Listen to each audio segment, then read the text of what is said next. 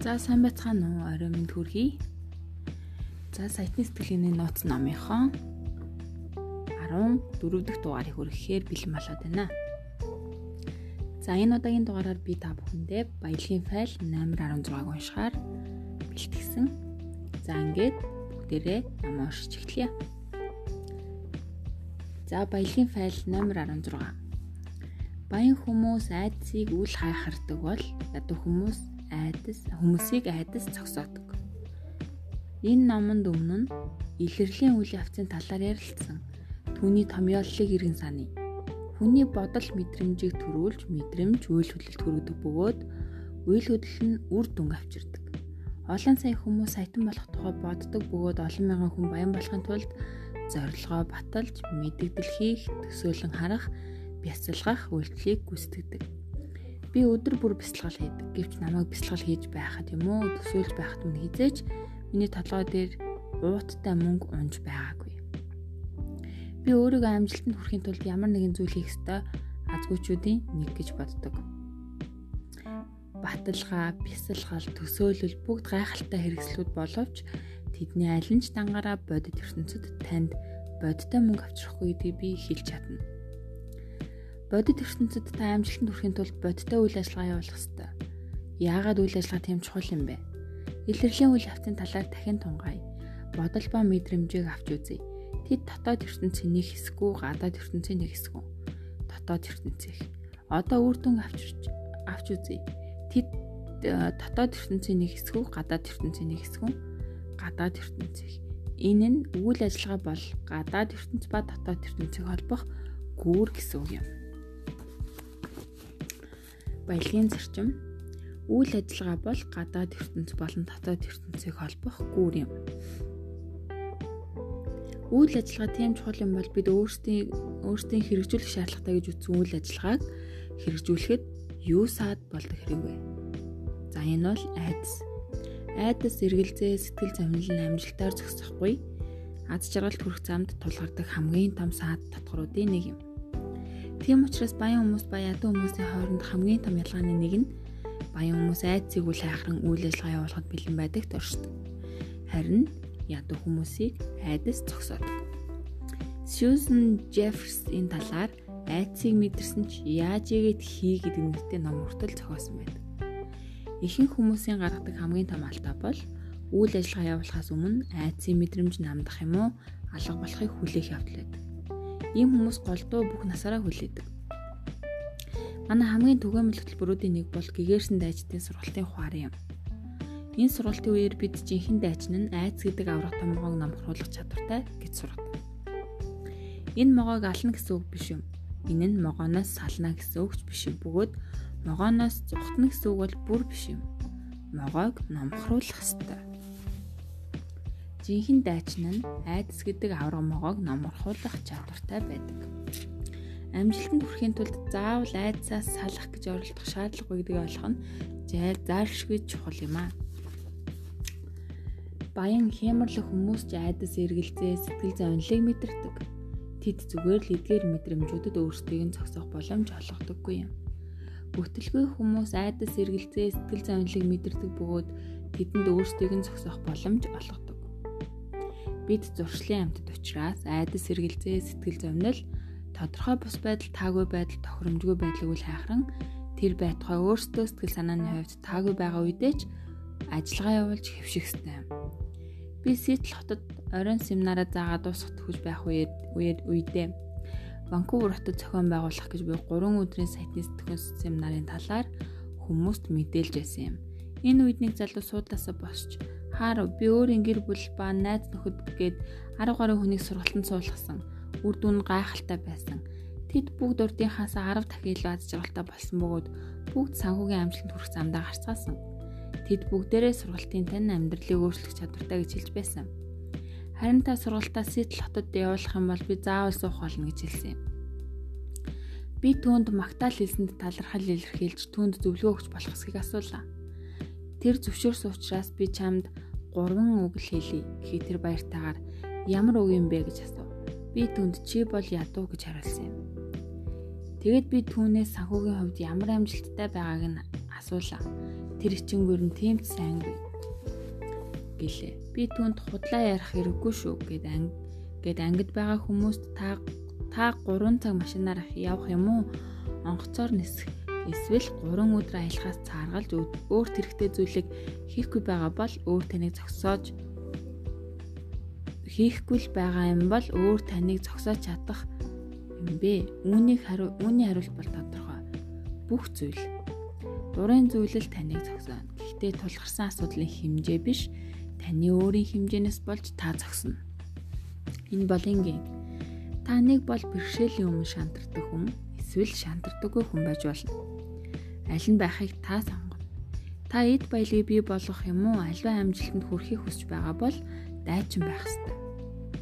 Та үүний төлөө бүх зүйлийг хийх бэлэн байх ёстой та ямар ч бэрхшээлийн өмнө зогсдоггүй байхад өөрийгөө сургах ёстой. Баян болох нь үргэлж таатай байдаггүй. Баян болох нь үргэлж хэлбэр байдаггүй. Харин ч баян болох маш хэцүү зүйл юм. Гэвч тэглээгээд яадаг юм бэ? Гэгэрсэн дайчны үндсэн зарчмуудын нэг юм нэг бол та зөвхөн хэлбархан зүйлийг хүсэж байгаа бол амьдрал хэцүү байх болно.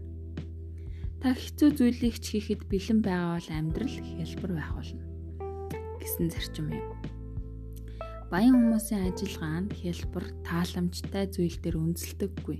Харин зөвхөн ядуу ба дунд давхрын хүмүүс л ийм байдлаар амьдардаг гэж илтгэл тавьсан юм а. За энэ сэдвээс баялагын зарчим нь та зөвхөн хэлбэрхэн зүйлийг хүсэж байгаа бол амьдрал хэцүү байх болно.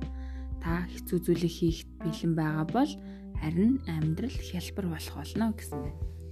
Миний итгэл дуусахад хүмүүс чив чимээг миний итгэл дуусахад хүмүүс чив чимээгүй болсон байна. Дараа нь энэ бүхнийг ихлүүлсэн нөгөө залуу над руу ирж өөрийнх нь нүдийг нээсэнд маш их баярлаж байгаагаа илэрхийлсэн юмдаг. Мэдээж тэр сургалтанд бүртгүүлсэн боловч инээдтэй тэр миний өөрт хэлсэн яг тэр үгийг утсаар ярьж байгаа найздаа итгэлтэйгээр тавтай хэлж байгааг би гарах замдаа сонссон юм. Маргааш нь тэр гурван хүнийг нэмж бүртгүүлсэн болохоор түүний үг үр дүнд хүрсэн юм болов уу? Тэр бүгд тэд бүгдээрээ зүүн эргийн хотуудаас Ванкувер руу очих хүмүүс байсан. Бид тааламжтай байдлын талаар ярилцсан болохоор тааламжгүй байдлын талаар одоо ярив. Яагаад тааламжгүй байдлыг үл хайхран ажиллагаа явуулах нь тийм чухал юм бэ? Учир нь тааламжтай байдал бол таны одоогийн байгаа байдал юм. Та өөрийн амьдралыг шин түвшинд гаргахыг хүсэж байгаа бол өөрийн тааламжтай байдлын бүсийг эвдэлж тааламж үзүүлэх хийж хөвших ёстой. Та одоо 5 дугаар түвшний амьдралаар амьдарч байгаа бөгөөд 10 дугаар түвшний амьдралаар амьдрахыг хүсэж байна гэж бодъё. 5 ба түүнээс доошх түвшнүүд нь таны тааламжтай байдлын бүсэд хамаарах бол 6 ба түүнээс дээшх түвшин нь тааламжгүй бүсэд орно. Энэ нь 5 дугаар түвшний амьдралаас 10 дугаар түвшний амьдрал шилжихийн тулд та тааламжгүй бүсийг нэвтрэх ёстой гэсэн үг юм. Ядуу хүмүүс ба дунд давхрын ихэнх хүмүүс тааламжгүй байдлыг хүлээн авах хүсэлгүй байдаг. Тааламжтай байдал нь тэдний хувьд амьдралын хамгийн чухал зүйл байдаг гэдгийг санаарай. Гэвч би тань зөвхөн баян бөгөөд маш өндөр амжилтанд хүрсэн хүмүүс л мэддэг нэг ноцыг дэлгэхийг хүсэж байна. Энэ бол хүмүүс тааламжтай байдлыг хэтэрхий өндөр үнэлдэг явдал юм. Тааламжтай байдал байснараа та дулаан, тухлаг, найдвартай байдлыг мэдрэх боловч энэ нь танд өсч хөгжих боломжийг олгодоггүй та хувь хүнийхээ хувьд өсч хөгжихийн тулд өөрийн тааламжтай бүсийг тэлэх ёстой. Та өөрийн тааламжтай бүсээс гадна байх үедээ л бодтойгоор өсөж хөгжиж чаддаг. Танаас нэг асуулт асууя. Та ямар нэг шин зүйлийг анх удаа турших үед танд тааламжтай байсан уу, тааламжгүй байсан уу? Мэдээж тааламжгүй байсан баг. Гэвч дараа нь юу болсон бэ? Та тэр зүйлээ олон хийх тусам улам тааламжтай болж байсан тийм үү? Юм гэдэг ийм л байдаг бүх зүйл эхэндээ тааламжгүй байдаг боловч та түүнийг үргэлжлүүлээд байвал эцэст нь тааламжгүй байдлын бүсээр нэвтэрч амжилт гаргадаг. Тэгснээр та өөрийн тааламжтай байдлын бүсийг шинжилэн өргөжүүлэх бөгөөд өөрөөр хэлбэл та илүү том хүн болдог гэсэн үг юм. Дахин хэлэхэд та тааламжгүй зүйлийг хийж байхдаа л өсч хөгжиж байдаг. Одооноос эхлэн та тааламжгүй мэдрэмж төрөх болгонд буцаж өөрийн тааламжтай бүсд орохын оронд өөрийн нуруунд дээр алгатан би өсч хөгжиж байх шиг байна гэж хэлээд цааш үргэлжлүүлж байгаарай. За та баян хямралэг байхыг хүсвэл тааламжгүй зүйлийг хийхдээ тааламжтай байдаг тааламжтай байдаг болох хэрэгтэй юм. зориуд тааламжгүй бүсэд орж өөрийн айдаг зүйлийг хийж хэвш. Би таныг дараах томьёог өөрийн үнэлсэн амьдралын туршид санаж явахыг хүсэж байна. ТБ тэнцүү ББ. Энэ бол тааламжтай бүс нь баялагын бүстэй ижлэхийн гэсэн үг юм а. ТБ тэнцүү ББ. Тааламжгүй бүс нь баялагын бүстэй ижлэхийн гэсэн үг юм а та өөрийн тааламжтай бүсийг тэлснээр өөрийн орлого ба баялагын бүсийг тэлнэ. Та өөрт тааламжтай байдлыг эрхэмлэж эрсдэлтэй зүйл байхыг тусам таны ашиглах боломж уулзах хүн турших стратеги улам цөөрнө гэсэн үг юм. Та миний хэлж байгааг ойлгож байгаа ах. Та тааламжтай байдалд ач холбогдол өгөх тусмаа айцаас олж улам бүр агшина гэсэн үг юм аа. Нөгөө талаас өөрийгөө сонгож ашиглах боломжийн бүсийг тэлснээр улам их орлого ба эд баялагийг өөртөө татах боломжтой болдог. Дахин илгээд та том савтай бол ертөнцийн түүнийг чинь өргөхээр яарвчлах болно. Баян хямралх хүмүүсийн тааламжтай бүс өргөн байдаг бөгөөд улам их баялаг олж авахын тулд энэ бүс улам л өргөжүүлж байдаг. Хүн хизээш тааламжгүй байдлаас болж өхөж байгаагүй бөгөөд тааламжтай байдлын төлөө амьдрал нь бусад бүх зүйлүүдийг нийлүүлснээс ч илүү олон шин санаа, ашигтай боломжууд, үйл ажиллагаа болон өсөлт хөгжлийг устгаж байдаг байна. Тийм ээ, тааламжтай байдал таны амьдралын зорилго. Тааламжтай байдал бол би хоёр зүйлд баталгаа өгье. Нэгдүгээр та хизээч баян болохгүй, хоёрдугаар та хизээч аз жаргалтай болохгүй аз жаргал нь хизээч үргэлж юу болоод өнгөрснийг гайхан эргэлзэх хайн амьдралаас бий болдоггүй зүйл юм. Аз жаргал нь бид өөрсдийн өсөлт хөгжлийн заяагдмал нөхцөлд байж болох бүхий л боломжоо бүрэн ашиглаж амьдрах үед л бий болдог байх нэ. Үүнийг туршаад үзээрэй. Та дараагийн удаа тааламжгүй байдлыг мэдрвэл аюулгүй байдал руугаа буцан шурахын оронд урагш зүтгэрэй. Тааламжгүй байдлын мэдрэмжийг ажиглан Тэр бол зөвхөн мэдрэмж бөгөөд таныг зогсоож чадахгүй гэдгийг ойлгоорой. Та тааламжгүй байдлыг үл хайхран зүтгэх юм бол эцэст нь өөрийн зорилготой хүрч чадна шүү. Тааламжгүй байдлын мэдрэмж хизээ нэгэн цагт буурдаг хэсэг нь ач холбогдолгүй юм. Харин чи мэдрэмж буурах үед түүнийг өөрийн зорилгыг нэмэгдүүлэх тохио гэж ойлгох ёстой. Учир нь та тааламжтай байдлыг мэдрэх болсон тэр үед таны өсөлт хөгжил зогсож байгаа хэрэг гэсэн үг юм. Та боломжийн тэд зэгтээ хүртэл өсч өгчхийн тулд үргэлж өөрийн боломжийн хязгаар дээр байх ёстой юм. Бид зуршлын амьтад учраас бид сургууллах ёстой. Бид танд айдас, таагүй байдал, тохиромжгүй байдлаа үл хайхран тэр байтугай хүсээгүй үедээ ч гэсэн үйл ажиллагаа явуулж хөвших ёстой гэж зөвлөж байна. Ингэснээр та түргэн төрх түргэн зур амьдралын илүү дэд түвшинд шилжиж чадна. Энэ хооронд та өөрийн банкны дансыг шалгаарай. Тэр ч гэсэн өсөх болно гэдгийг батлая. Би хичээлийнхээ яг энэ үед сонсогчдоос та нарын дундаас хідэн айдас ба тааламжгүй байдлыг үл хайхарч үйл ажиллагаа явуулахад бэлэн байна вэ гэж асуудаг. Ер нь бүгд гараа өргөдөг. Тэгэхэд нь би энгийн байдлаар тайлбарлая. Та нар үнэхээр тэгж бодож байгаа эсхийг харъя гэж хэлээд хурцхан үзүүртэй модон сум гаргаж эрен тасгалыг хийхин тулд тэр сумыг өөрийн хоолоогоор хугалах ёстойг тайлбарладаг. Ингээд би хэрхэн сумны ган үзүр хоолойн зөөлөн хэсэг рүү орж нөгөө талаас өөр нэг хүн бэлгсэн гараараа түүнийг түлххийг харуулдаг. Үүний зорилго нь шууд сум хоолой руу орч таны хүзүүг нэвтлгээс өмнө түүнийг зөвхөн хүзүүгээрээ хугалах явдал юм. Энэ үед ихэнх хүмүүс айдас тавтдаг. Заримдаа би нэг сайн дурын хүний тусламжтайгаар үүнийг хийдэг бол заримдаа хүн бүрт сум өгдөг. Би мянган хүн сумыг хугалж байхыг харсан. Үүнийг хийх боломжтой юу? Тийм ээ, энэ амар тэглгүй яах вэ? Энэ тааламжгүй юу? Ойлгомжтой. Гэвч энэ нь айдас ба тааламжгүй байдал тань байдал нь таныг зогсоохсгүй гэсэн санааг агуулж байгаа юм. Үүний зорилго нь шаардлагатай бол юу ч хамаагүй таны зам цаад болсон юу ч үл хайхран хийдэг бол сургахад оршно. Ихэнх хүмүүс сумыг хугалдаггүй. Тийм ээ, бүрэн ихтэй хүн бүр түүнийг хугалдаг. Харин эргэлцсэн байдлаар зөөл хөндлөж байгаа хүмүүс хугалж чаддаггүй. Сумын сумны тасгалын дараа би хүмүүсээс та нарын дундаас хідэн бодож байснаас бодит байдал тэр сумыг хугалах нь илүү хэлбэрхэн юм байна гэж бодсон бэ гэж асуудаг. Энэ нь бодож байснаас хамаагүй хэлбэр байгааг хүн бүр хүлээн зөвшөөрдөг. Яагаад юм байгаа хэрэг вэ? Эндээс та хизээ нэгэн цагт сурах хамгийн чухал сургамжуудын нэг нь гарч байгаа юм. Таны ой ухаан бол түүхэндх хамгийн агуу савнгийн дүр зохиогч юм. Тэрээр голдуу сүртэй үйл явдлууд ба гай гамшигтэр үндэслэн хизээж тохиолдож байгаагүй бөгөөд магадгүй хизээж тохиолдохгүй итгэмээргүй төвгүүдийг зохиож байдаг. Марк Твейн үүнийг миний амьдралд олон мянган бэрхшээл байсан боловч мөн эрэгтэй тэдний ихэнх нь тохиолдог юм гэж хамгийн оновчтойгоор хэлсэн байдаг. Таны хизээ нэгэн цагт ойлгох ёстой хамгийн чухал зүйлүүдийн нэг нь та бол таны ой биш гэдэг үнэ юм аа. Та бол өөрийн ой ухаанаас хамаагүй том агуу зүйл.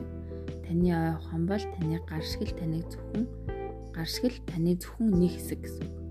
Эндээс нэг төрүүл төрүүлэм асуулт гарч ирдэг. Та өөрийн ой ухаан шиг гартай байсан бол яах вэ? Тэр хаасайгүй л хурц үргэлж таныг зодон хизээч чимээгүй болдоггүй бол ямар байх вэ? Тэгвэл та үүнийг яах вэ? Ихэнх хүмүүс тайрч аяна. Гэх маягийн юм ярьдаг. Гэвч та гар гэдэг хүчрхээ зэвсгээ тайрч хайж яах юм бэ? Үүний жинхэнэ хариулт бол мэдээж түүнийг хянаж удирдан таны эсрэг биш таны төлөө ажилладаг болгох явдал юм. Өөрийн оюун ухааныг хөвшүүлж удирдна гэдэг нь аз жаргал ба амжилтанд хүрэхин тулд таны хизээ нэгэн цагт эзэмшиж болох хамгийн чухал чадвар бөгөөд үүнийг л бид энэ номоор дамжуулан хэрэгжүүлж байгаа лээ. Та өөрийн оюун ухааныг хэрхэн хөвшүүлэх та ажиглалтаас эхлэх ёстой. Хөвшүүлэх вэ?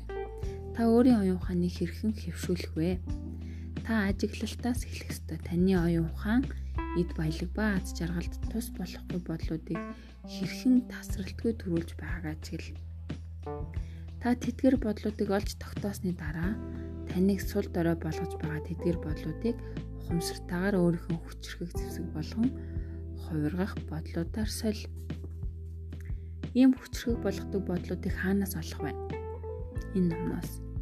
Энэ номонд байгаа тунхаглал болгон хүний хүчрхэгжүүлж амжилтанд хүргэх зам юм.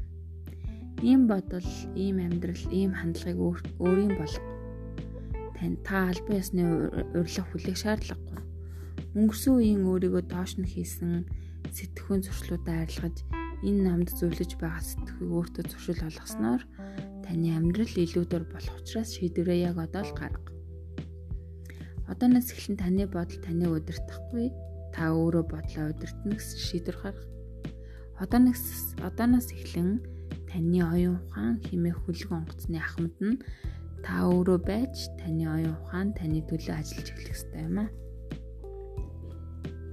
Та өөрийн бодлыг сонгож болно.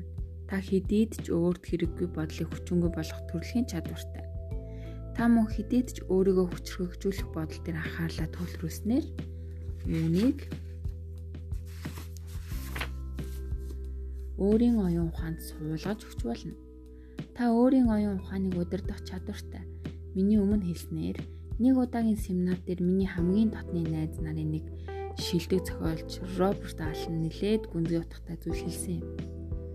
Ямар ч бодол таны толгойд түрээсгүйгээр оршдоггүй Энэ нь та сөрөг бодлынхон төлөө түрээс төлнө гэсэн үг юм. Та түрээсийг мөнгөөр ирж хүчээр цаг хугацаагаар эрүүл мэндээр эсвэл аз жаргалаар төлж болно. Та түргэн хугацаанд амьдралын шин түвшинд гарахыг хүсэж байгаа бол өөрийн бодлуудыг сул дараа болгох болон хүчрэг хүчрэг болгох бодлуудыг бодлууд хэмээн хоёр ангилах ёстой. Та өөрийн бодлуудыг ажиглаж, аз жаргал ба амжилтанд тус нэмэртэй эсхийг нь тодорхойлох ёстой. Тэгсний дараа сул дорой болгодог бодлуудаасаа татгалзаж зөвхөн хүчрхэг болгодог бодлуудыг хөвхүүлэн дэмж. Хэрэггүй бодол толгойд орж ирэх юм бол хүчингүй гэх юм уу? Бодлоо хуваалцсан баярлаа гэж хэлээд түүнийг илүү ашигтай бодлоор солио. Би энэ үйл явцыг хүчрхэг сэтгхийг нэрлэдэг бөгөөд та түүнийг хөвшүүлэх юм бол таны амьдрал хизээч хуучин шиг байхгүй гэдгийг анхаараарай. Энэ бол амлалт юм шүү. Тэгвэл хүчрэг сэтгхүү ба эерэг сэтгхүү хоёрын ялгаа нь юу юм бэ? Тэдгээрийн ялгаа ялмгүй ялмгүй боловч маш гүнзгий.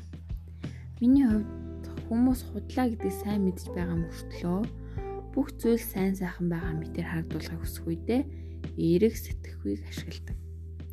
Хүчрхэг сэтгэхүйн хувьд бүх зүйл завсрын байдаг бөгөөд ямар ч зүйл түүнд өгөх ач холбогдлоос өөр ач холбогдлоогүй гэж үздэг байна. Ингэснээр бид түүнийг зохиож альва зүйлд өөрсдөө ач холбогдол өгдөг.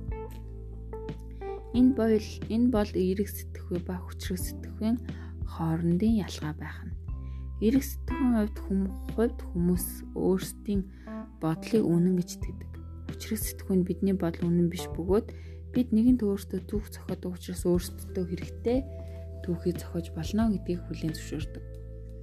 Бидний шинэ бодол нь төгс утгаараа үнэн учраас үнэн учраас биш харин тэдгээр нь бидэнд илүү хэрэгтэй бөгөөд ашиггүй болоос хамаагүй илүү сэтгэлд тааламжтай байдаг учраас үүнийг хийдэг. Энэ хэсгийг дуусгахын өмнө би танд сум угалдаг дасгалыг гэртээ туршихгүй байхыг анхааруулах ёстой. Энэ дасгалыг тодорхой нөхцөлд ихтэй бөгөөд ингэхгүй бол та өөрийгөө юм эргэн тойронд байгаа хин нэг гимтэж болно. Бид хөтөлбөрийнхөө үед хамгаалт хэрэгсэл хэрэгэлдэг. За тунхаглал. Баялагын файл 16-гийн тунхаглал байна. Гараа зүрхэн дээрээ тавиад би айдсыг үл хайхран үйлдэл хийдэг. Би эргэлзээг үл хайхран үйлдэл хийдэг. Би сэтгэл зовлыг үл хайхран үйлдэл хийдэг. Би тааламжгүй байдлыг үл хайхран үйлдэл хийдэг. Би тохиромжгүй байдлыг үл хайхран үйлдэл хийдэг. Би хүсээгүй байгаа үедээ ч үйлдэл хийдэг гэж хэлнэ. Толгойдоо гараа үргээд би сайтны сэтгхүйтэй гэж хэлэх юм байна. За сайтны сэтгэл сэтгхийг хөгжүүлэх арга ажиллагаа буюу дасгал ажлыг уншиж үгэй. За мөнгө баяд баялагтай холбоотойгоор таны сэтгэлийг хамгийн их зоож байгаа юм уу? Айлгаж байгаа гурван зүйлийг чагсаан бичээрэй. Тэдгээрийг сүр. Таны айж байгаа нөхцөл байдал үүсэх тохиолдол бүрт юу их талаараа бич. Та түүнийг даван гарч чадах уу? Та иргэн сэргэж чадах уу? Тэгэх магадлал өндөртэй. Одоо сэтгэл зовлоо орхин баян болж эхлэх нь байна. Хоёрдугаарт нь өөрийн тааламжтай бүсгээс гарч ивш. Зориуд өөрт тааламжгүй шийдвэрүүдийг гарга ердийн үед бол ярилцмааргүй хүмүүстэй ярилц албан тушаал төвшүүлэх хүсэл гаргах юм уу? Бизнесийн үнцний өсөг өдөр бүр нэг цагийн өмнө сэрж шүн модон дундуур зугаал. Гэгэрсэн дайчдын сургалтанд оролц энэ бүхэн таныг зогсоох боломжгүй болгоно. 3 дугаарт нь хүчрхэг сэтгхийг ашигла. Өөрийгөө болон өөрийн бодлын хэв хэв загварыг ажигла. Зөвхөн өөрийн аз жаргал ба амжилт амжилтанд тустай бодлыг тэтгэн дэмж. Таны дотоод түн би чадахгүй гэх юм уу би хүсэхгүй байна. Эсвэл би үүнд дургүй гэж хэлэх бүрт түүнийг сөрөх хэрэгтэй. Энэ найз дээр үндэслэн тааламжтай байдлыг хүссэн дуу хоолойнд таныг удирдах боломжийг бий бол. Энэ дуу хоолой таныг өөрийн амжилтанд хэрэгтэй зүйлийг хийхэд саад болох гэж оролдох бүрт өөрийн оюун ухаанд тэр биш та өөрөө эзэн гэдгийг ойлгуулна гэдгийг ойлгуулна гэж өөртөөгөө гэрээ байгуул. Ингэснээр та өөртөө ихтэй байдлыг эрс нэмэгдүүлээ зогсохгүй эцэст нь энэ дуу хоолой танд нөлөөлөхгүй гэдгээ улам бүр чимээгүй болж холддгоо. За ингээд дасгал ажлаа уншаад дуусчихлаа. Одоо би та бүхэндээ нэг хүний амжилтын бяцхан түүх уншаад энэ дугаарын подкастаа дуусгая гэж бодож байна. За Эндрю Эндрю Вилтний амжилтын түүх гэж байна. Эндрю Вилтний амжилтын түүх. За Харв намайг Эндрю Вилтон гэдэг. Би 18 настай. Би саяхан их сургуулийн 1-р курсыг төгссөн. Би 2 жилийн өмнө сайтны сэтгэх эрчимтэй сургалтанд суусан бөгөөд Тэр үеэс хойш суралцсан аргуудаасаа хэрэгэлсээр ирсэн. Өнгөрсөн 2 сарын уншлагын 7 хоногт манай найз нар ажиллах болон эсвэл гэр бүлдээ зочлох байдлаар амралтаа өнгөрүүлж байхад би таны заасан аргаар цуглуулсан мөнгөө ашиглан Испанийн өмнөд эрэхт 10 хоног амраад ирлээ. Тэнд ямар сайхан байсан гэж санана. Би танаа сургалтаар эзэмшсэн стратегиудыг хэрэгжүүлээгүй бол өөрийн хүссэн газарт очиж дуртай зүйлээ их боломжгүй хэвээрэл байх байсан баха. Баярлалаа хаар. За Эндрю Вилтний амжилтын түүхийг уншаад дуслаа. За тэгээд энэ дугаараа подкаста ингээд дуусгая. Дараагийн дугаар хүртлээр түр баяртай.